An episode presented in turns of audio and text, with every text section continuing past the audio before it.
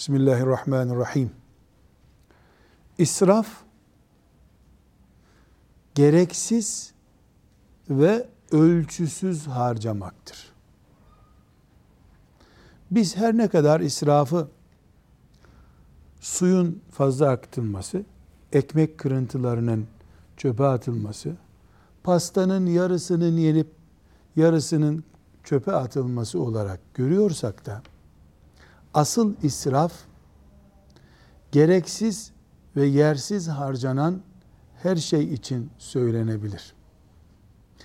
En büyük israf ekmek ve su üzerinden değildir. Ekmek ve su israfı da değerlendirilen nimetlerdir. Ekmek atıldığında kuşlara, kedilere, köpeklere yem olur. Bir tür israftan kurtulmuş olabilir. Su ne kadar dökülürse dökülsün denizlerde tekrar buharlaşıp su olarak gelebilir. İhtimal de olsa. İnsanın ömrü israf edildiğinde geri dönüşümü yok. En büyük israf hayat israfıdır. Ve en büyük israf sağlık israfıdır. Yine en büyük israf iman nimetinin israfıdır. En büyük israf ilim israfıdır.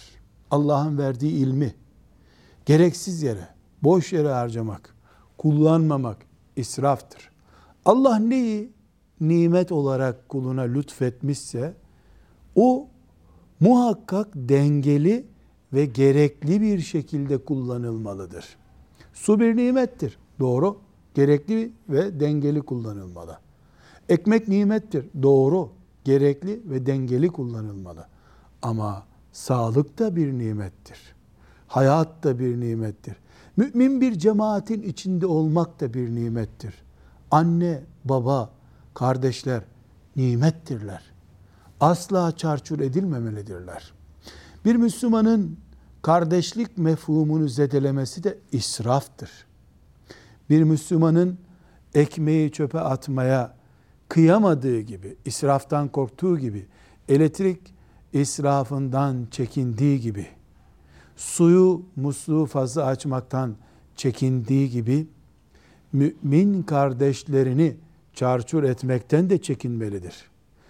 Bir mümin kardeş, müminlik nedeniyle kardeş olunmuş bir insan, 10 kilowatt elektrikten daha değersiz midir? Anne baba ne ile ölçülebilir bir nimettir ki onların varlığı gereksiz ve yersiz kullanılmış olsun. İsraf haramdır.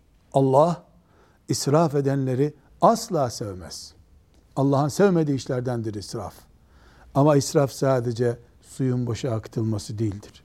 Boşa akan hayat, boşa geçen her dakika israftır ve bir dakika asla bir okyanustan bile daha değersiz değildir. Velhamdülillahi Rabbil Alemin.